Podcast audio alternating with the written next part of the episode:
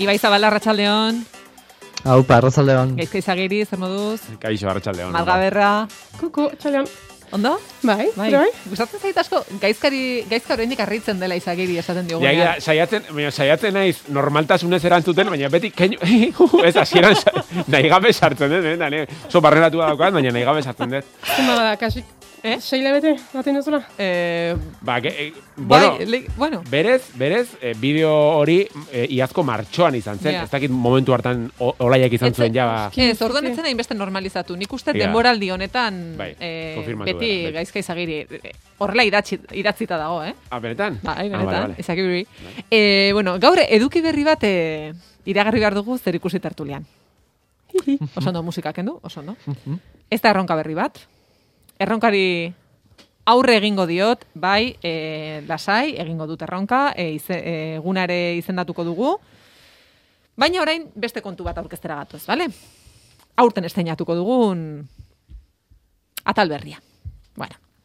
Gabonetan, kasualitatez, e, maionen bueltan, fizikoki edo virtualki eseritzen garen lau lagunok, esango nuke egun hartan gainera fizikoki ginela, laurak hemen, Bai. Mhm, Bai, bai. e, film bera ikusi genuen. Don't look up. Ez ginen ados jarri, gure artean, baina, kasualitatez, denek asteburu berean e, filma ikusi genuen. Eta atera behi zen ere. Atera berri zen, bai. Margak eta Mar- bizok eh, konfinamendu baten behar dian eh? no. Bai, bai. Oraindik jaipa etzegoenean, oraindik mundu guztia horri buruz hitz egiten ari etzenean, Aintzin. margak ikusi zuen. Oh, mil esker. Hori, bueno. Ba, tertulia honetan ez dugu kasualitatetan sinisten, ez? E, Don Look Up filmarekin egin genuena, orain errepikatu nahi dugu. Hilean behin egingo dugu. Eta nola? Bueno, ba, adi, e, entzuleak adi, eta gaizka marga eta ibai ere adi, zure jakingo duzuen nola egingo dugun. Bueno, gutako batek aukeratuko du e, film, dokumental edo telesail bat. Eta lauok eduki bera ikusiko dugu. Eta ikusi ondoren bakoitzak bere iritzia emango du eta em, eztabaida egingo dugu. Noski bakoitzak e, bere gustoko film edo telesail bat aukeratuko du, zentzurari gabe, baldintzarik gabe, bakoitzak e, nahi duena aukeratuko du. Baldintza bakarra izango da, e, telesailen kasuan osorik ez dugula ikusi beharko. Kapitulo bat ikusterekin nahikoa izango da, edo mini telesail bat baldin bada, oso laburra baldin bada, en, osorik ere ikus daiteke. Ondo iruditzen zaizue? Bai. Badintzari gabe eta aitzakiari gabe. Aitzakiari Gehituko gabe. nuke. Vale. Tokatzen zaionaren zat diot. Bai. Ados. Uf, ah, Zer ikusteko vale. diozu? Bai, bai, hori da. Eh, Gaizka ja pentsatzen dago adibidez, The zu Shining beldurrezko edo- zerbait proposatzen baduzu, adibidez, adibidez, adibidez, nik ez dut aitzakiarik ez ikusteko, ez? Hori da, Adibidez. hori da. Bai. Super hipotetikoa Bai, kasu bai, hori. bola, hola, ez da gertatuko, Bai, bai, inolaz ere. ez, ez, ez. Bueno, azu baino lehen.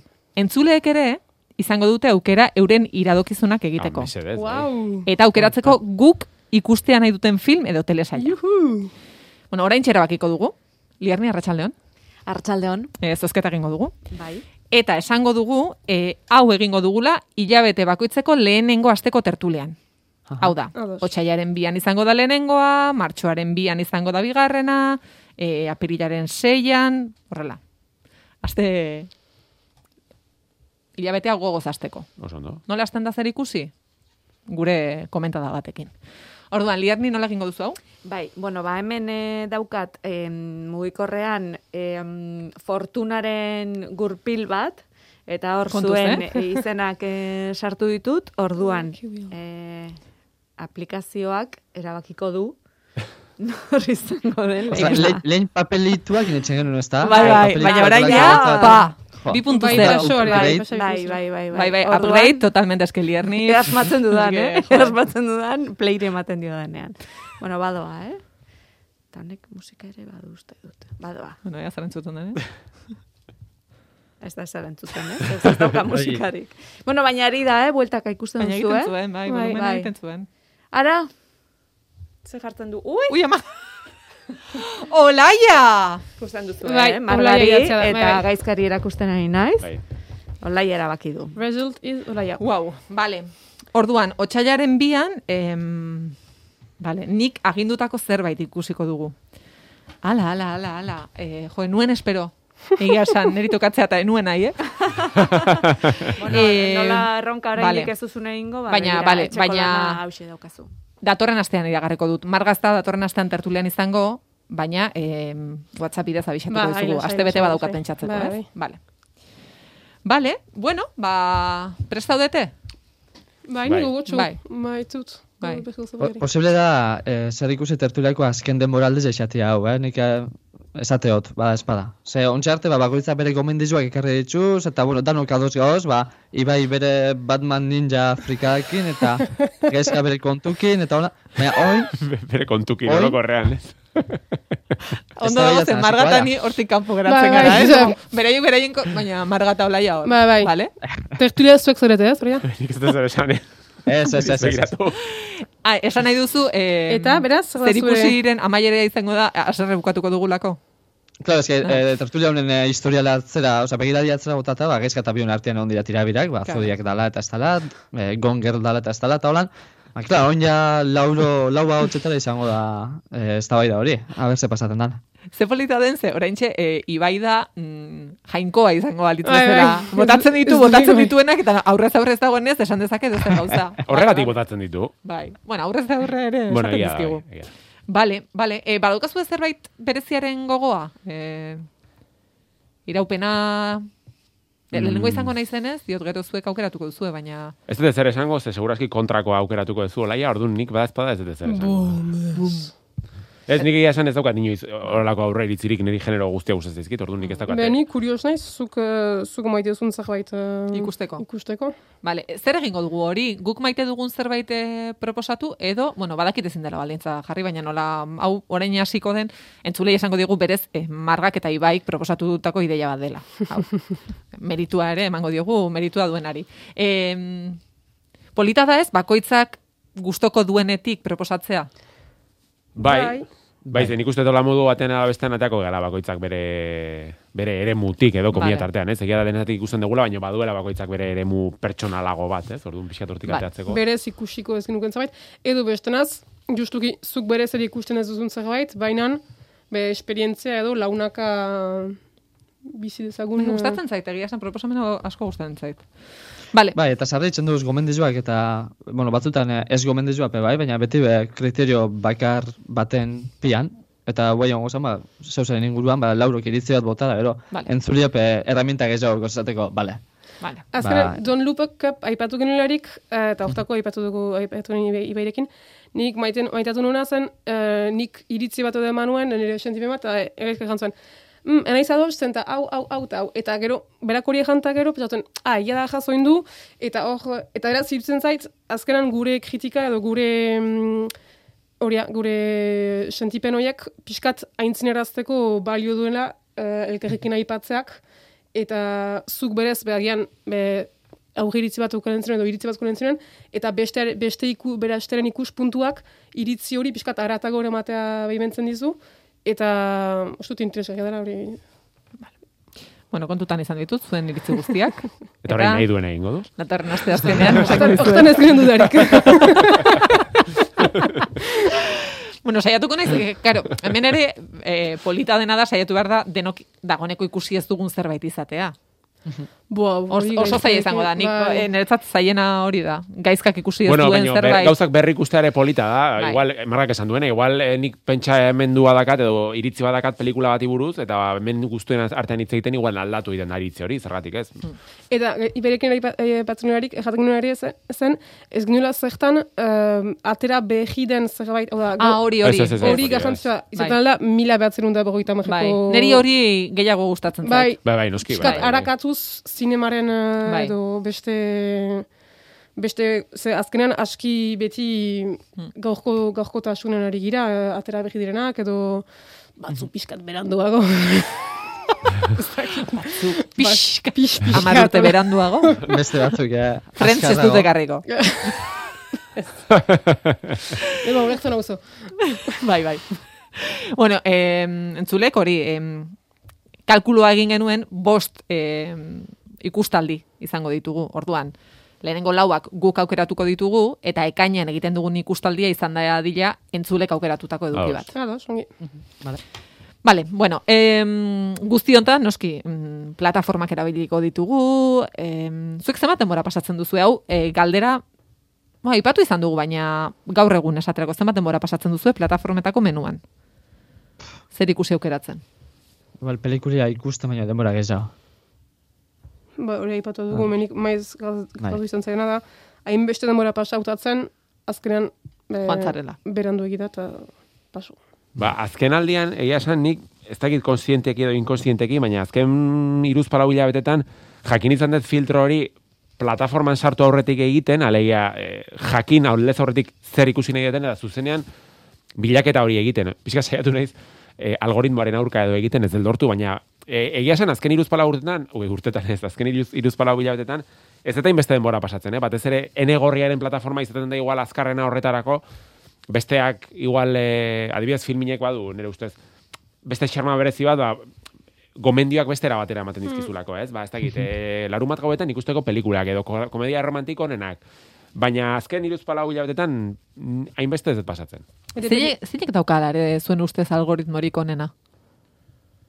Gaizkak. bueno, mesedez, korte hau gordeko eta jarriko dut, mugikorreko sintonia bezala. jarriko dut. Zalantza, bale. Hombre, algoritmoak ikasten dau, eh, norberak itzen da esan autua gaitxek, eta pff, ni neuaz behintzat, Netflixek ez dugu oso klaru zer guztaren jaten. Baina, gero, gero, zenbat gehiago erabiltzen plataforma hori, ba, orduan eta gehiago ikasten dau zure gatik, eta, eta, bai, nik ezagun, nik, gaizka da, ja. Bion artian egon Bai, gozan, zuke. eh. Em, mira, hau, galdetzen genizuen ze sensazine agerkari digitalaren arabera, em, Netflixek eh, gomendio algoritmoa eh, zeren arabera eh, duen argitaratu du, ez? Em, bueno, gomendioen algoritmo hau patentatuta, omen daukan Netflixek, eh, eta hauek dira mm, parametroak. Lehenengoa da zure interakzioak. Ikusi dituzun edo hasi dituzun, naiz eta mar minutu izan, telesail guztiak gordetzen ditu Netflixek. Bi, zure aukerak eta beretsuak egiten dituzten ikusleen gustoko telesail eta filmak. Hirugarrena da ikusten dituzun telesail eta filmen inguruko informazioa, e, adibidez ba generoa, e, zein urtetakoa den, zein aktorea agertzen den. Em, Netflixera noiz konektatzen zaren, hau da, goiz ezala gauez. E, zein gailutan ikusten duzun, sakelekoan edo telebistan esaterako, e, ze Netflixek ba, pentsa dezake telebistan ikusten ari bazara, ba, jende gehiago egon daitekela zurekin. Eta orduan ba, gauza bat edo beste bat gomendatzen dizu. Ba. Eta seigarrena zenbat denbora pasatzen duzun mm, normalean plataforma hori kontsumitzen. E, Netflixek ez du kontutan hartzen em, zure adina eta generoa. Ondo. Bai, hori, ondo, hori, bai, hori justu ondo iruditu zait, baina besteak ez Bai, dakite bai. ego, egokiak iruditzen zaizkizue? Jo, baina eske dena in subjetiboa da, ele, esan nahi, nik ikusi, ikusi ezaket Robert De Niro azaltzen den pelikula, eta pelikula hori gustoko izan, eta batean gomendatzen dit Robert De Niroren beste pelikula bat urrengo, konektatzen naizen urrengo aldian, ez? Eta agian ez dauka zer ikusirik ez generoan, ez ezer. Nahi iruditzen zait, je- Netflixek bai, bai dauka algoritmorik, ez dakit onena, baina bai basatiena. Osea, alegia, bizka sartzen da, iaia zure inti- intimidadean, eta nik uste iaia behartzen zaitula pentsatze, ze pentsatu behar dezun, zer ikusi behar dezun, e, bueno, zoritxarrez eh, Netflix aipatu edo Spotify edo nalakoa, eh? nik uste musikan ere antzeko zerbait gertatzen dela, ez? Bizkat bideratzen gaituzte, etengabe, zer ikusi behar degun egitera edo ikustera, ez? Eta bai, eh, ez dakit nik Netflixen algoritmoiekin eta pff, zalantza ugari dauzkat. E, nik probatu izan dut gaina badakizue Netflixen hasieran profil desberdinak eratu daitezkela, eta igual, ba, lagunarekin eta dauzkan kontuekin eta kontu desberdinetan sartzen eta askotan aldatze dituzte baita ere e, hori hitz egin izan dugu uste hemen. Pelikuletako karatulak ere. Igual, Bai. e, ez dakit, Peaky Blindersen azaldu beharrean protagonista nagusia, ba igual, e, nere, ez dakit, nere bikotea sartzen denean azaltzen da emakumezkoa eta horrelakoak, ez? Eta, ez dakit, nik zalantza dauzkat algoritmoaren kontu horrekin. Uste, dut, lanketa gehiago imar dugula aldez aurretik, eta izan argi ze ikusi nahi dugun, ze uste, ustea pixkat Netflixi gure, gure kontsumoa bideratzen, ez dakit arriskutsua, arriskutsua ez da, baina niri hitz gehiago gustatzen. Bueno, eta hori dela eta sortzen da gure tertulia hau, eta gure da, hori da, hori da.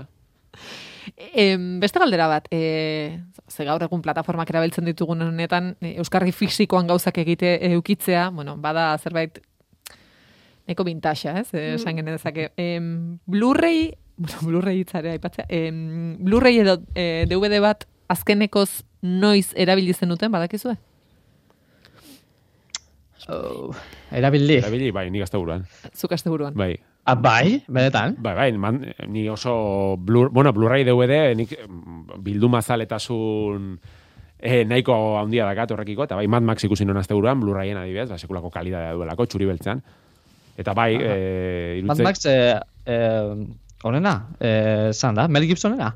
Ez ez, eh, Zar- George Millerrena, 2000, eh, Tom Hardyrena, 2000 ama bostekoa uste dela. Berriena. Eta bai, bueno, hori. Ostara. Eh, osea, ni DVD eta Blu-ray eta are gehiago esan, bueno, VHS, VHS-ak oraindik badauzkat, eh, baina pixka da... Zu irakurtzeko? Eh? Irakurtzeko Ez, ez daukat. ah, da gehiago, ez dakit zerbait nostalgiko gisa, baina badauzkat batzuk, eh, berezi batzuk, baina nik bai nigan eh, horren aldeko aldarrikapena egiten jarraituko eta ni maite dut olako gauzak bildumatzea, egia da pixkat bildumazaletasunaren zerbait dela, bakit ez dela praktikoa, eta gaur egun dena digitala den enean, baina iruditzen zait, eh, film eta telesailak egin handi batean bizirik mantentzeko gakoetako bat, dala Euskarri fisikoa areagotzean ere ustez. Ibai, Nik ez daukat, eh, enaz gogoratzen, noz eh, playatu neban DVD bat azkenengoz. Enaz gogoratzen ze pelikula izan zen, enaz gogoratzen noiz izan zen bez. Baina egiza da, pasadan urtean erosine bala Lord of the Ringsen trilogiza DVD-an. Eukitzez baneukan, baina, bueno, alako tomo berezi bat irten zen, duela amalau bat urte, sasoi hortan gaztea harrapatu duztan, eta pasadan urtean bigarren eskuen erosine ban, eta egiza da, DVD-az gain, etortzen zala be bai, resinazko figura bat, pelikula bakotxak, oza, pe- pelikula bakotxekiko, ba, resinazko figura bat, ez? Ba, gondorreko herria, edo golun bera, edo argonaz eh, estatuak eta holan, eta horretxek tiratu duztain gehiago, baina egiza da, naiz eta ez eukit DVD irakurri gaiurik, etxean, ilusinua etxe ustala eukitzia eh, DVD horrek, ze mm, berzino estendido bat izatiaz gain, ba, beti dago making ofeko holan dokumentaltxu bat, edo zuzendaritzen hitzak, eta eta interesanti dutzen, eta gero nonos, ba, bueno, munduen bukaeria datorrenean, eta guzti hori, eta argi indarrik ez daukagunean, eta Netflixeko serbidurak erortzen dizenean, ba, bueno, etxeko baina martxan ez da dago nola erabiliko duzu DVD-a. Ba, etxeko generadora martxan jarri gasoliniaz, eta eh, bai, ikusiko neban, Lord of the Rings, ba, egunen bukaera arte, eta ba, horrek lasaitzen hau. Arga. Pff, Hori eta gero zuen Ez aizu que ez zeratenik. Zerraten aldut hori eta gero. Bez, Baina ba- badaukazu, gailurik, nik, ez, Ni nik da, esaterako ez daukat. E, hori da, nik ere ez dut uh, DVD-ak ere kurtzeko ilurik, beraz, aski muga ondia Bai. da. Nik ez daukat gailurik, baina badauzkat DVD-ak. Ah, bueno, hori ere ondo dago. Ze DVD, eta ze haitxik. Ba, bira, daukat em, Sex and the Cityko eh, kaxa, arraxa, Obviously. obviously. E, daukat Lord of the Ringseko eh, edizio zabaldua ere. Em, Pila bat posten hau. eh, la- Bai. DVD bakoitzan lau daude uste dut, ez? Lau edo bi edo, ez dakit eh, pila bat dira. Bai. E, gaizka koparitutako film bat, Bai. Eta uste dut horiek dauzkadala. Ah, bueno, Annie Hall banuen, baina gero Woody Allenekin aserretu nintzenean bota nuen. Esan nuen, ez eh, hau ikusteko modurik eta DVD-a bota nuen. Wow, Wow. ze iraultzailea, eh? Imaginatzen zaitut, gaina aurpegi hori jarra jarri dezun aurpegi hori jartzen. DVD-arekin hitz Bai. egiten. Atzera begiratzen, hori da, bai. Fuera dauka olaiak hitz egiteko gailuekin, bai, Osa, badakizue. kuriosu eri dituzate gaizka koparetzia DVD bat. Bai. Ze, hainbeste pelikula, hainbeste seriz da daoz, eta danak, bueno, edo gaizenak plataforma digitaletan ikusgai daoz, ze pelikula, oza, ze kriterizo bete bideo pelikula horrek, fizikoki oparitzeko, ez? Hain zuzen, plat, inongo, hori konkretuki inongo plataforma digitaletan ez dagoela, adibidez. Eta hori ikusteko Ah, nere gurasoi eskatu behar izan nien em, DVD-a ikusteko aparatua, konektatu Ah. telebistara, eta... Eso paritzen ditu DVD eta esperientzia bat, ere? Eh, guztiz. Da, box horietako bada. Baina egia da hemen... eh, Smartbox. eh, Smart, bai, hori da. Eh, zinema aipatzen dagoela, baina nik uste antzeko zerbait gertatzen dela baita ere musikarekin, ez? Viniloen kontuarekin, eta Bai. izan du nolabaiteko Bai. berpizkunde bat, Era viniloen bat. kontua eta hori guztia, eta... Eta, Eta, eta, kas, ka, kasetak ere bai. eta kasetak, eta bueno, eta liburuetara joz gero ere ba jende asko dago, ez dakit, baldin badaude bi liburu bat arrunta eta beste edizio berezi bat, badaukalako, bazuri marga adibidez gustatzen dizula artea eta ilustrazioak eta ba, igual bada- baldin badago edizio bat, ilustrazio berezi batzuk dauzkana eta ba igual Ez nahiago ez paper, paper zaindua. hori da, ba, bai, pixka gehiago ordaindu ez, orduan, e, gaina Black Fridayaren kontura nik datu batzuk irakurri nituen, eta bitxia da ze, bueno, ba, bilduma zaleok, garenok, Eina hundi batean, pixkat, ari gehala, eusten e, zinema, bueno, ikusentzunezko industria fisikoari, baina datu oso bitxia da, ze berez, e, enaiz goatzen noin zehazki zenbat milioi eta zari zen, baina berez, e, salmentak izan ziren oso altuak, e, pelikula fisikoena, baina oso pertsona gutxiren artean, hau da, baldin gaude imaginatu Euskal Herrian, lareun bildumazale friki, ba hoien artean bakoitzaren gastua izan da oso altua. Alegia, ez daudela pertsona asko, gauza txiki asko erosten, baizik eta pertsona gutxi gauza asko erosten. Orduan, ba bueno, ni bezalako friki asko daudela munduan esan nahi nuen. Baita, industriak txalutzen du. e, ba, hau esan da, e, ez dakigu jendeak ero DVD-an edo Blu-rayan kontsumituko dituen, e, baina zuen gomendiokin goaz. E, marga zurekin hasiko gara, mm, nire buruaren bertsiorik onena izeneko telesai frantsesa. Donc moi je viens vous voir parce qu'en fait euh, j'ai un j'ai des troubles digestifs. Vous avez commencé la scène il y a combien de temps? Il y a 5 ans. Et vous avez mal au ventre depuis Frantziako humoregile ezagun baten lehen Bai. lana da, ez? Blanche Gardin. Bere izena agian ez zaizu ezaguna egiten, baina merezi du ezagutza. Umore egile biziki ona baita. Uh, ez dut inoiz ikusi zuzenan, baina uh, zinez ikusen ikunuken uh, agerraldi bada.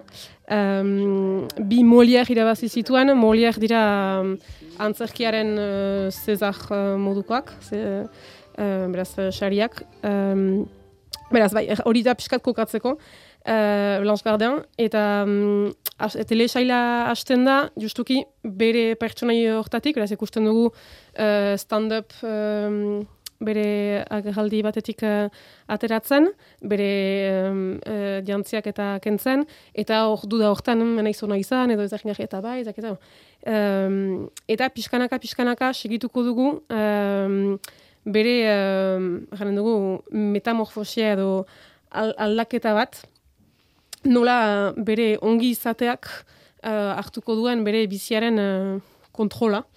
Um, autofikzio bat da, beraz, aserako, aserako kapituluan be, beretik edo ari dela uste dugu, uh, eta ezagutzen ditugu be, berataz ezagutzen ditugun uh, um, um, um, datu, datu zonbait. Eta um, hor ent, entzun duguna um, um, trailerean da kontatzen du eh, tribako minak eta dituela eta um, naturopata baten gana doa. Eta na- naturopata horrek kont, eh, erraten dio bere tribako minak lotuak direla eh, eszenari. Hau da, jendea irria- irriarazteari eta jendea azkenean eh, jendea irrizerelarik berataz trufatzen dela eta horrek sortzen dizkiola bere, bere minak. Eta hortik eh, azkenean naturopata horrek konbentzituko du behar duela berak egiten duen egiten duena, hau da, humo- humorea eta stand-upa gelditu. Eta beraz, ikusiko dugu crescendo batean, eh, eh, kapituluz kapitulu, nola eh, ongiz bere auto zaintza horrek hartuko duen tokia eh, azken kapituluan bere buruarekin ezkontzeraino.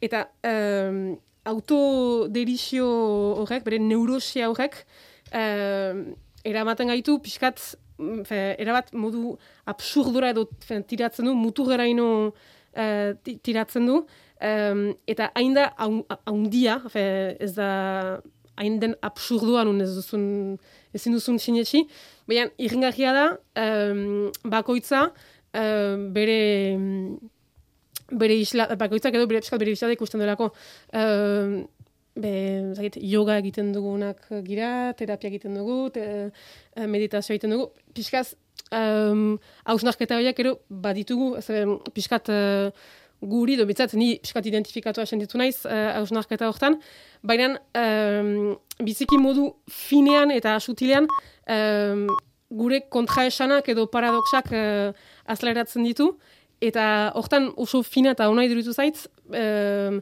analisia hori, eta pixkat, uh, naiz eta zentzugabe, eh, zentzugabea izan, uh, lotxagabea iduritu, zaitz, uh, pixkat erraten baitu uh, azkar, ozen, um, behola, gure, gure miseria txikiek edo nola, beraz, uh, naiz eta momentu batzu pixkat luze egin zaitz, zaizkidan, uh, haundiegiak edo uh, sinez gaitzak zirelako, azkenean hortan, hor- hortan jostatzen da, eta hori esker lor, lortzen du mezuak edo pasatzen, eta bere fikziozko alter ego horrek um, be, zinez absurdokeria hortan, eh, be, gure, eh, gaurten, gure garaiko um, zilborresteari begira ibilgitzen garen eritasun hori, eh, bora, beste, beste ikuspuntu, ikuspuntu bat edo ematen digu. Non dago ikusgai? Kanal Plusen, bai, bai, izan dira, DVD, Blu-ray, Canal Plus. Ebe, Kanal Plus, ez dakitze Kanal Plus oso garestia da, eta, da, e, plataforma ez duena, e, baina e, be, konfinatua, eta, eta beraz, aspaldi fentzuten dut, beraz, pentsatzen dut, bo, bari. E, beraz, hila, hilabete bateko gauza berezi hori hilabete batera. Eraz, e, ikusten enez, hori hori hori egin dut, baina, bo, hori bukatu zaitu. Bukatu zaizu. Bai, bueno. Hemen badago, Canal Plus. Nik daki Uste- dala... Frantzesa dela, ez? Bai, uste Movistar. Ba, le- baina lehen bat zegoen. Bai, hori Movistarren barruan Baina dago. uste ez dela kate bera, eh? Uste dela azpi... Eo, hartu naiz, eh, azkenean, badira, ez dakitzen bat mila Eantzule zer opzio, dioten, eh? behar bada baten batek badauka. Ados, be, uh, beraz, e, ipajalda bintzat, bai, badira, e, ezakitzen bat opzio, eta segun ze eduki ikusten duzun, ze gero bada Kanal Plus, me gero bada Kanal Plus seri, seri Claro, plus, bai. Movistarrek bezala. Movistar hori da. ezakitzak, eta azkenean, e, gindidaten ere hilabeteko horreko ondua, eta eduki desberdin batzu Hmm. ikustagatik, hogeita hamar euroko... Eta nintzen, barkatu? Eta, bo, espeduz, ez diatela, ze berez, hilabete bateko... mm, Guazen, guazen salatzera. hemen. bueno, Ez, esan- jarri ez dugu salatuko, Movistar, eh? eh, bueno, nik ezagutzen dudana, lite da, ez? Hori Bai.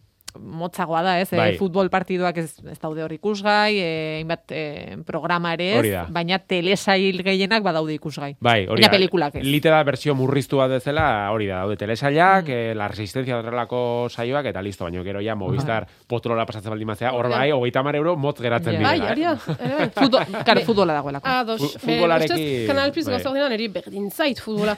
Baina, egia da, eta espero. pena da. Ah, bai. Pe- pena da, zen ta, mm, frantses estatuan ateratzen diren eduki hola pixkat eh, bereziak edo, eh, Kanal Plusen eh, dira maiz, eta eta hori, bon, be, bat da, baina baziren ere beste jone goligia dibidez, uh, Anya Xurstel, beste neska gazte baten um, uh, lehen telesaila ere, fe, hainbat uh, eduki, ai- ai- aipatz, e, edabidetan eta ikusten ditu eta epatzen dira, baina horiek ikusteko modurik ez, fe, modua zaila da. Eh. Xantik, teknikoak eh, esan digu, eh, Canal Plus hemen, eh, bueno, Espainiar estatuan ala zegoelako, eta eh, ondorio zegoaldean hau ikusten genuelako, mila bederatzen eta laro marrean hasi zen, em, 2000 eta bostean em, zuen seinale generalista, 4 kartu zuen, Ados. Eta e, 2010ean hasi zen em, ordainpeko plataformatan, e, uztailaren sortzian, 2008ko e, uztailaren sortzian Movistar Plusera pasa zen, eta azkenik em, 2016an Kanal Plus e, pasa zen zero izatera. Ah, vale, bai. Movistar barruan ados, zegoena. Ze garaiak, eh, haiek... Bai, gazteurak ikusten zituzena gauza pixelatu hoiek, Bai. bai. Kanal Plusen, eh? Jo, e, e, ba, aurreko astean justo e, Padres Forzososeko aita hiltzela jakin genuela, nik gogoratzen dut, eta bada, Ibai, e, bueno, e, senyora ditzen badidazu, ondo esan da dago, e, txikitan, nik, te, bueno, txikitan edo telebista jartzen genuen, eta dena pixelatuta zegoen, baina momentu batean, ordaindu gabe ikusi zen ezaken, eta. Padres Forzosos nik horrela ikusten Canal nuen. Plus- Zuk hori ezagutu? Ah, bai. Kanal Plus en clair, bai, Bai. hori da. Kanal Plusen, hori, Kanal Plusen laugarren eh, zenbakia uh, telebistan, Mhm. garaian. Eta, eta programa batzu, uh, en clair edo Mhm. ar, argi, argian edo zekit. Zen ikusten majoa, ziren. Ibai, esan du, ah, bai! Lehenengo berriz jaukatela. Etzenekin benetan? Ez, ez, Ez, ez, bueno. ka- Kanal Plusen neukan berri bakarra zan, eh, guan zai pressing catch, eta honek eh, borroka libre etxean. Hor, hor, ba, borroka batzuk zirian, ba, jende, dakit, eh, bip batentzat eta Kanal Plusen botatzen zirian, eta hori da daugaten eh, berri bakarra. Bueno, ba, gaur zeo ze gehiago ikasi duzu. E, ogazen gaizkaren gomendiokin, entzu, entzun dezagun lehenengoa. Police, I'm calling from Bright Sky Care Home. One of our residents has gone missing. He has young onset Alzheimer's. There he is. Tony! We're going to take you home. This job is about treating people with dignity. This is their home. When the reds go by. One of our residents got a cough and a temperature. She gonna be okay?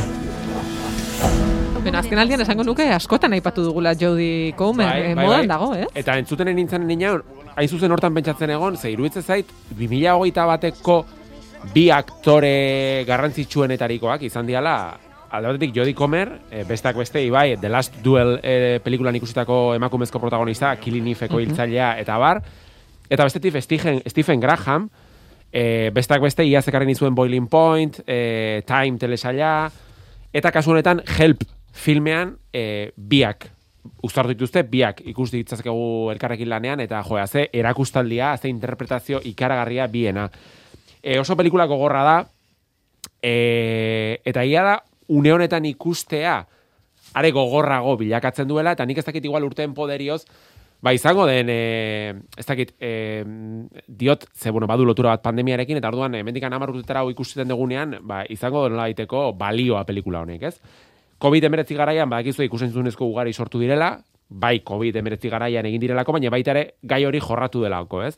Nere ustez, pelikula hau izan liteke zalantzari gabe, gai hori jorratu dutenen artean honenetarikoa, e, protagonista nagusia Jodie Comer da, Sara izenekoa, e, zaintzailea da, eta pelikulen hasieran ikusten dugu Liverpooleko, bueno, zaharretxe moduko batean kontratatzen dutela, ba, bere bokazioa hori delako, eta pasioz egiten duelako lan hori, eta lanean hasi, eta bapatean, e, bi astetara 2008ko martxoa iristen da. Ba, 2008ko martxoan, zer gertatu zen munduan, ez? Pandemia, COVID-a, eta bar, orduan, ba, imaginatu, e, zarretxeko zaintzaile bat, pandemia bete-betean, gainera izan zen pixkat, lehen olatuaren hasieran kokatzen gaitu pelikulak, ba, pixkat ez jakintasuna, konfinamendua, hori guztia, zarretxe horren, bar, zarretxe esaten dut, baina, bueno, era guztietako e, pazientea daude bertan, eh?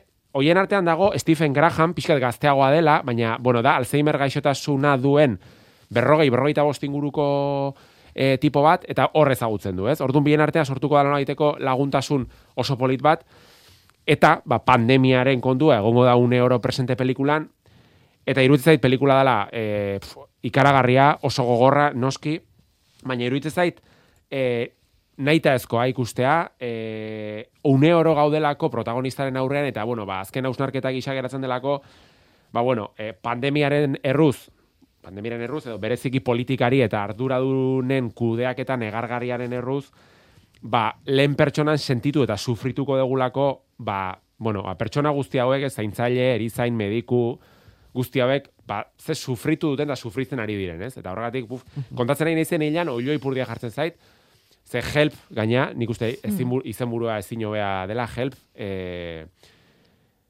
bueno, ikusi, baina, bueno, badakizu gaia zein den, orduan ikusi, segun eta zenolako... Ze aldartetan zaudeten, ez? zaudeten, hori da.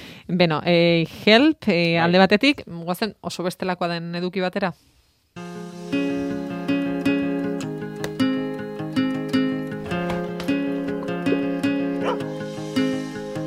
I've decided to go on a little trip to out my dad's ashes. Oh, that's sweet. Afterlifeen hirugarren demoraldia. Bai.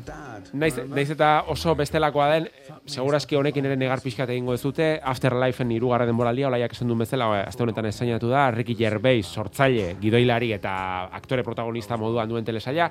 Ricky Gervais ezagutzen duzuenok, lehen mikrozkampo lariekin hitz egiten ez, e, Badu eh, Ricky Gervaisek umorea egiteko ba, modu berezi bat, oso umore, bueno, ez dakit basatia esan, baina beltza, muturrekoa, deserosoa, asko kuxatu egiten dira Ricky Gervaisekin, baina kasu honetan nik uste pixka xamurtu egiten dela, eta beste erabateko umorea ez, baizik eta kasu honetan dramedia dela esango nuke, drama eta komedia uztartzen dituen telesaila da. Protagonista Ricky Gervais, Tony, e, telesailaren hasieran e, e, kontatzen diguten nola, e, bueno, ustez bizitza perfektua den tipoa da, baina egun batetik bestera e, bere emaztea hiltzen da, minbizi baten erruz, Eta orduan, e, bere bizitza guztiz birrintzen da, ze bueno, sekulako erlazioa zuten beraien artean, eta tipoa saiatzen da bere buruaz beste egiten, behin eta berriz, baina ez du lortzen, ez du lortzen, ba ez daukalako ausardiarik. Orduan erabakitzen du, ba bizitzari aurre egiteko modua zen den, jendea tratatzea inolako filtrori gabe, gaizki, gaizki erantzuten, e, bueno, ba, gaizki izan da borde bat ez- izaten, ez? Osa, filtrori gabe jokatzen eta une oro pentsatzen duena izaten. Orduan, bueno, ba, pixkanaka, pixkanaka ezagutuko dugu pertsonai hau, bera alboan une oro, ba, txakur bat duena, e, ba, ekizue txakur bat azaltzen momentuan niri, ja, pelikula horrek irabazi nahuela. Eta, bueno, irutzen zait, e, Ricky Gervaisek daukan e, trebetasuna, e, umorea eta dramaren arteko marra horretan, e, ikuslearen sentimenduak astintzen, e, nei maixua irutzen zaitu hortan etek ierbeiz, ez? Ze pelikula, e, barkatu, telesailan baude momentu batzuk, ba batean, e, barrez ari garena eta eta hortikan bi segundutara plasta plastiko bat ematen digu beste um, drama momentu batekin, ez? Orduan, amaieran oso merezu polita dauka telesailak, ba, bueno, nola aurre egin eriotza bati, e, ba, lutoa, hainbat gauza sartzen dira, gauza sartzen dira tartean, eta oso telesail simplea da, oso simplea, oso txikia da, ez dira apenas gauza asko gertatzen, gauza asko gertatzen, baina, bueno, iru demoraldi, sei atal eta goita bos minutu, oza, oso oso erraz ikusten dan telesail bada, eta nik gomendatzen dizuet, zerbait hola lasaia atsegina komila tartean ikusi nahi baldin dute, eta gaina barrea eta une batzutan negarre egin, bi, bietatik pixka bat Afterlife Netflixen gomendatzen dizuet. E, guazen irugarren edukiarekin.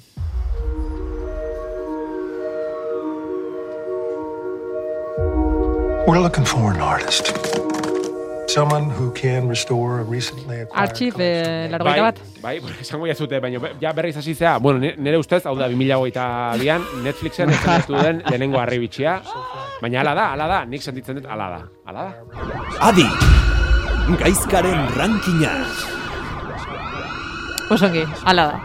Hala da, e, hau da, bueno, e, 2008an e, sortu dian lehenengo adikzioa telesail formatuan hau izan da, artxiflaro gehieta bat. E, hor traileran entzuten zen, I am looking for an artist, esaten zuen tipoa, bueno, protagonista nagusia da, e, pelikula, zinta, bideo, aipatu ditugu lehen, VHS, super zortzi zintak, zahar berritzen dituen tipoa da protagonista, alegia, berai iristen zaizkion pelikula zarrak, zahar berritzen ditu, digitalizatzen ditu, eta, bueno, e, artxibo edo fitxategi moduko batean lan egiten duen tipoa da. Egun batetik bestea, e, enpresari bat iristen zaio bulegora, eta esaten dio, mesez, bere, bueno, e, bere kontratatu nahi duela, orain dela urte batzuk, ba, e, eraikin famatu batean sute bat egontzelako, eta sute horretan agertu zielako hainbat zinta, baina guzti suntxitua daudenak. Orduan, mesedez, enkargoa dela, zinta horiek zahar berritu eta zinta horietan zertzegoen deskubritu nahi dutela, ba, uste dutelako baduela lotura bat zuteak zinta dauden e, edukiarekin. Kontua Ba, zein da, interesanti da, eh? be, oso ondo dago, nik ustetik bai zuri gustatuko zaizula. Kontua da, zinta horiek hain hain hain delikatu dira eta hain egoera tamalgarrian daude, zar berritzera jun beharko duela e, mendi batean isolatuta dagoen etxe berezi batera, ze bueno, zinta horiek hortik atatzen badia, ba, segun eta ze egoera klimatologiko dauden eta suntxitu daitezke. Orduan, tipoak geratzen da bakar bakarrik, aste batzuetaz, zinta horiek zahar berritzen etxe isolatu batean, eta horraino irakurriko dut.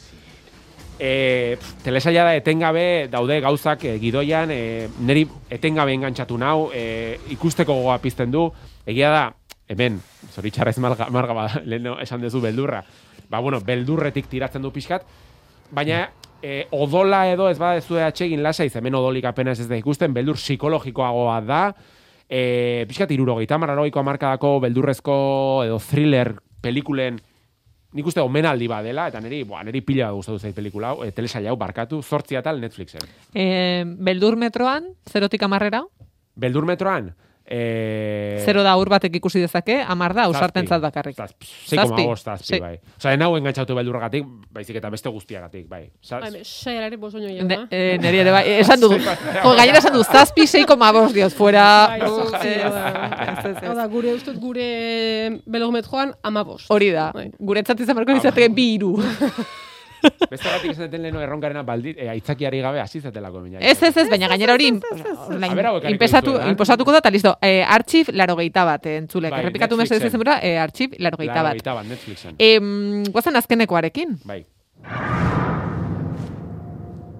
By the pricking of my thumbs, something wicked this way comes. Macbeth, Shakespeare, ekarri duzu? Bai, eta, buah, hau ere irutu zaiz flipantea pelikula hau. E, da Joel Cohenen pelikula, jo, Cohen anaietako baten pelikula, bakarka zuzentzen duen, ez da film bakarra, baina, bueno, aspaldi ez zuela bakarka filma zuzentzen. Kasu honetan, The Tragedy of Macbeth da izenburua, eta Appleen estrenatu da, zoritxarrez zinemaretotan ez. Zuri beltzean, lauerenetan, alegia formatu karratuan, eta, bueno, Lady Macbethen tragedia ospetsuaren, eta, izango nuke, espresionismo alemaniarren estetikaren arteko nasketa iruditu zaidala. Protagonista nagusiak Denzel Washington eta Frances McDormand, e, nik uste argudio gehiago ezin diala esan, e, Frances McDormand beti dago ikaragarri, baina Denzel Washington esango nuke dagoela bere karrerako interpretazionik onenetarikoaren artean. Oso pelikula arraroa da, oso arraroa da. baina oso ausarta, niri guzti txunditu nauena, hipnotizatu esango nuke, Ze badu une oro, e, bueno, ba, gizue Shakespeare eta Macbeth izan da, ba, e, antzerki kutsua du, e, dena oso irreala da, e, dekoratuak eta oso oso sinesgaitza dira, baina jo, iruditu zait, e, guztiz hipnotikoa, eta trailerran entzuten zen, ahots arrar hori izan Catherine Hunt, gorpuzten duela, nik usango nuke historiaren sugarra pizten duen sorgin irukutearen papera, Macbethen historia ezagutzen bat zuten, bueno, hor daude hiru sorgin, Bas, hiru sorgin horiek pertsona edo aktore berdina gorpuzten du, eta ikaragarria ze kontorsionismo fisiko, ze adierazpenak eta ze gauzak egiten dituen emakume honek. Orduan, e, esan deten bezala, pelikula oso arraroa da, e, ez da mundu guztiarentzako pelikula bat, hori aitortuko dizuet, baina, jo, nola jolasten duen zuribeltzarekin, argilunarekin, e, pertsonaien garapena eta hori nola dagoen lotuta horrekin guztiarekin, niri, niri hipnotikoa iruditu zait eta eta gomendaz dizuet ikustean, noski. Bueno, eh, guazen Ibairekin. Ibai, eh, ez dakizu, desiatzen nago zure azalpenerako, ze, azteko entzun dezagun trailerra. They're called pain waivers. Fans are literally signing their life away, releasing Death Clock from They're the any and all liability. Ibairen gomendioa. To see the legendary metal band Death Clock perform just Vale. one As you song. Marga, eh, gaizka, entzuleak, adi. Ibaik gaur ekarri du, metalokalipse. Metalokalipsis. Venga, Bai. Ibai, zer esan, honen ostean. Eh, beti, beti eskusaten ez ez da, hola, ne asko gustatzen jaten eduki bat ekarteuten nervioso jartzen az, eta igual ideiak desorganiza eta botateot ez, baina hor doiaz. Hor doiaz eta bihotzetik doiaz eta ez arrazoi, ez eh, razionalidadetik, bale? Hau da, Metalokalipsis, eh, fa, 2006an eh, Adult Swimek ikustu ban, eh, bueno, animaziozko Ai ama. Ai ama, ai- hainbeste, hainbeste unkitu da konexioa moztu dela. Ah, bai, ba, A ber, bueno, eh? esan, hor zaude, berriro. bai, Lasai. no, vale. Venga, aurrera. Ados, ba, bueno, e, igual erpikatu gonez, baina esan moduan, adult, adult, adult swim eh, ekoiztetxeak ekoiztetako animaziozko serize bat da, 2006an, Metalokalipsis, olaiak esan da moduan. Ade, ekoiztetxe hau da, Rick and Morty ekoiztetxe bera, orduan imaginatu aldozu humoria zelako bizarrua da, eta humorea absurdua daukon. E, hemen kontaten dana da Death Clock, izeneko death metal talde baten abenturak eta desbenturak, e, bueno, fikziozko talde bada Death Clock, baina bizitza errealeko ba, Carnival Corpse, Black Sabbath eta Children of Bodom taldietan oinarrituta dauz bertako partaideak, bai, bai karakterizazio aldetik eta bai e, izaera aldetik, ezta? Kontua da, Death Clock dala, e, bueno, ama potentzia ekonomiko handizena munduan, eta hori dela eta eragin handiz dauko gentiengan eta eta mundu mailako ekonomizan e, traileren entzuten zan, ez? Ba, Death Clockeko kontzertu bat baino lehen, ba, saliak, sinatze bela olako, bueno, e, ez dakit, e, kontratu bat, ba, bertan e, Metalokalipsiseko Death Clockeko partaideari itxotzena e, edozein responsabilitate, re, responsabilitatetik kanpo itxi, zeuren kontzertuetan, kontzertu bakoitzean ehundaka pertsona hiltzen dira. Edo kontzertu bat iragartzen daben bakoitzean, e, ehunka banku, e, bueno, e, kebra itzen dabe, ze jendiak euren bizitzako ahorro danak ateratzen dabe ez bankuentatik euren e, kontzertuko sarrerak erosteko. Dana da puntu absurdu bat eraino eraman da ez, baina, baina, bueno, Death Clock talde hau, bueno, indarran dijauko ekonomikoki eta hori e, horrek beldurtu itzen dau e, mundu mailako gobernuak, eta hori dela eta sortzen da, bueno, e, gobernuan bertan olako talde sekretu bat, inteligentzi talde sekretu bat, deitzen dela el tribunal, eta bertako taldea osatzen dau, e, bueno, militarrek, abokatuek, e, apaisek eta e, eta enpresarizuak, ez? Osea, pizkat e, estatu batuekeko jente konservadore edo olako jendiak osatzen dau tribulan hori, ez? Eta honen helburua da Clock talde hau zuntzitzia. Zehaitxek, tribunalian dauzen apaisak uste dabe, e, profesi bat, dator, profesi bat beteko dela, Death Clock taldeaz. Ixen be, apokalipsi bat datorrela esaten dabe apaisak, eta horti dator, e, serize honen izena, ze metalokalipsis e, deitzen da serizea, ez? Eta nahi dutzen jaten brillantia. e, Claro, ko- kontu hori da. E, taldekideak, deathlockeko taldekideak, ba, buru bariko batzu dira, ba, sa- da, graziosua da euren egoeria, eta eura pestira oso konstiente e, ze botere dauken eta ze eragin dauken munduan, ez? Hainbeste urte bizi izan dira euren burbujatxo hortan, e, euren elite buruja hortan, hainbeste botere ekonomikoaz eta ez diltzera oso konstiente, ba, jende arruntearen gan ze eragin daukon, ez? Eta hori historia kontatzen dago e, serie honek, eta totalmente gomendioa da, eta bastante mm, memoria unaz, e, oza, oroitzapen unaz gordetzeo serie hau, ze, ba, amabi amairu urteaz ikusten eban e, serie hau lagunakin, eta garai hortan ez zegoen e, streamingeko plataformarik, edo ez nik ezagutzen ebanik behintzat.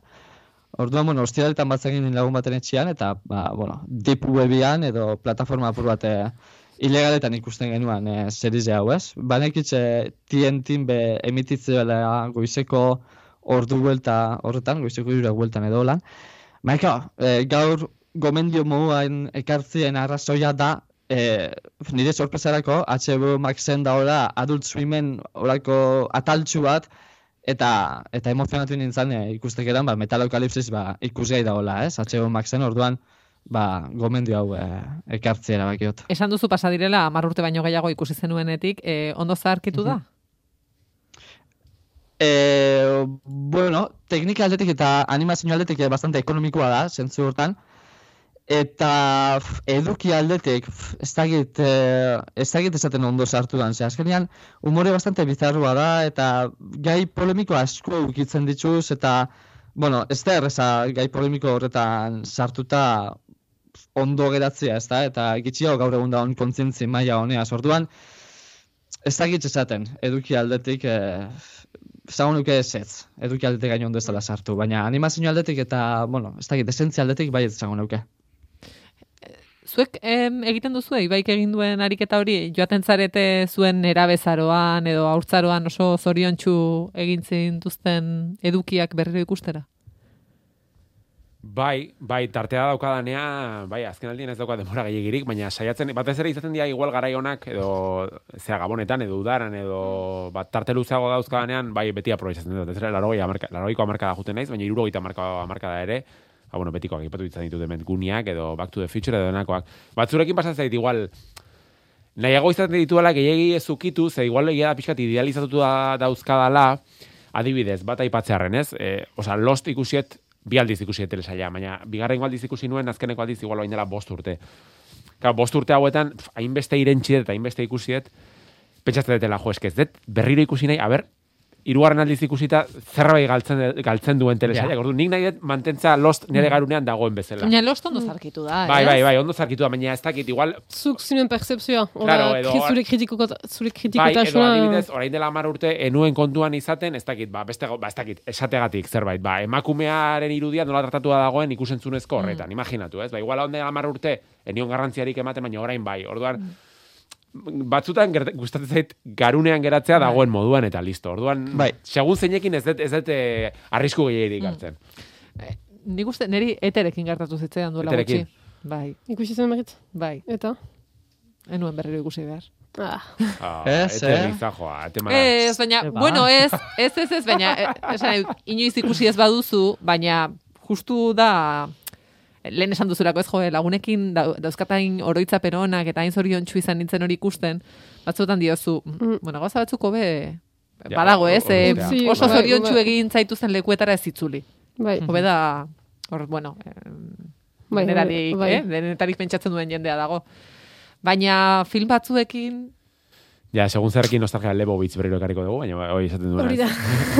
Eh, nostalgia kulturaren barruan pozoia izan daitekeela batzutan, ez? Eta igual, bueno, horrek badu ere bere arrazoia. bai, Bai, bazkaran da erratea, momentu hortan ikusi zenlarik, momentu hortan Bai. zinenagatik uh, Hmm. gauza berezi batzuk ungitu zintuzten edo uh, bai, iritsi, iritsi zaizkizun, eta ezakitzen bat urte beranduago, Hmm. bai, normala bezala beste numaiten zira, eta beste numaitzira, eta... Bai, nik uste zuk esan duzun hori em, genero ikuspegiarena horrek bai, Adibidez. bai, Bai, adibidez. niretzat guztiz balitzatu hori. Hitz egin genuen, bere garaian Friendsen kontura, Bai. eta Bai. nik esan nizuen berriro ikusi nuela, eta wow, Bai. Eta gero ere, nik uste nerabezaroan ikusi ditugunak, ez? Nerabe, nerabetasuna da garai bat oso intensoa, zentzu guztietan onerako eta txarrerako. Eta nik uste garai horretan ikusi ditugun gauza asko, Claro, segun eta ze goeratan ikusi genituen, ze bizipen genituen momentu aretan, ez dakit ikastoran ze gertatu zitzaigun, e, dana dalakoa. Kau, hain, eh, ja, gazte izaten jarraitzen dugun honetan, baina ja beste urte batzuk pasa, pasadia, ba, nik uste horrek baduela eragina, ez, gertatzen zaizun ordu. Jo, bai, ze, batzutan gertatzen da ere lotxatu egiten zarela zinen horrekin. Bai. Bai, noski. Zer esaten duzu, jo. Hori eh, maite nola duen? Hori da, baina... Hori niri bain torri ez zaitu haintxe burura, eh, ni ikusi nuen zineman hiru aldiz, eh, Eminemen eh, Eight Miles egin zuen pelikula bat Ah, bai. Eminenek, Ah, nik, bai. eta Bai, nintzen hortik, guarrapeatzen eta nintzen pelikulatik, eta ikusi aldiz. Baina ni ziur nago, gaur egun ikusiz gero, iruituko zitzaidala, sekulako zaborra. pelikula Me hori. normal. Zaborra. Bueno, baina hori hona da, niretzat hori Bai, hona da, bai, bai, ikasi, bai. baina egia da, baina... Em, bai, bai, bai, nik horregatik esan dizut, baina hori sentitzea bada batzuetan. Jose, ez duzu, ez daukagu ja gure burua gehiago zior, zigortzeko beharrik, ez? Bueno, badakit, eh, aldatu Hori da. Hori da. Me ez, Baina- eta ez ginuke zertan zigortu behar, da bai, garaian gustatzen zaizun eta hiru aliz jontzen film hori ikustera, bon, be, hola, ongi zen, fe onartu eta... Izan daiteke, ekarri dezakezu? 8 miles. Denok ikusteko. Ba, nik ez dakit ikusiko nuken, eh, berriro. Ah, Igual ez. ni izango nitzateke lehenengoa ikusiko nukena. Nik uste oso, oso, oso pelikula txarra dala, eh, uste, eh, bere, garaian flipatu nuen, baina nik uste oso txarra dala. Bai, me pentsa, eh, filme horrek zure kritikotasuna zu- eh, zorroztu zuela. Eta hori hori ikusteak, Bueno, gaur eske ziren, Eminem gaur zirenaren momentu par- garai batean denak raperoak ginen. Denak, denak, bai, bai. Oh, Mira, hori izatzen bere garaian egin genuen, eh? Akatxegu baintxun hizkuntza, ez? Abesti Bai, bat abesten bai, bai. Eminem bazeneko Bai, horrela. Bai. Eh, juergan jartzen zuten. Bai, bai, bai, Bai. bi abesti. Bai. Lose, Bai, yourself, lose yourself. Eta bestea. Eta denak, lose yourself, eta gero zentorrena, hau, gitzu, hau, Bai, baina gitzu, gaina, gitzu, bitxia zen, ze berez, osea, e, e, osea, esan nahi, hemen Euskal Herriko tabernetan, osea, jartzuten la txika del batzok, eta e, e, gero Eminem bapatean, ez? Izaten zen, Eminem beti zegoen playlist zerrenda horietan. beti. Hor, eta Euskarazko amara besti egon Eminem hor zegoen. Hemen utziko dugu zen ikuste Bai. Eminem entzutera guazela denak. e, gaizka, Marga, Ibai, datorren asterarte Ibai eta gaizka, marga, hemendik amabosta guren espero zaitugu. Bai. Besakada bat. Aio. Aio.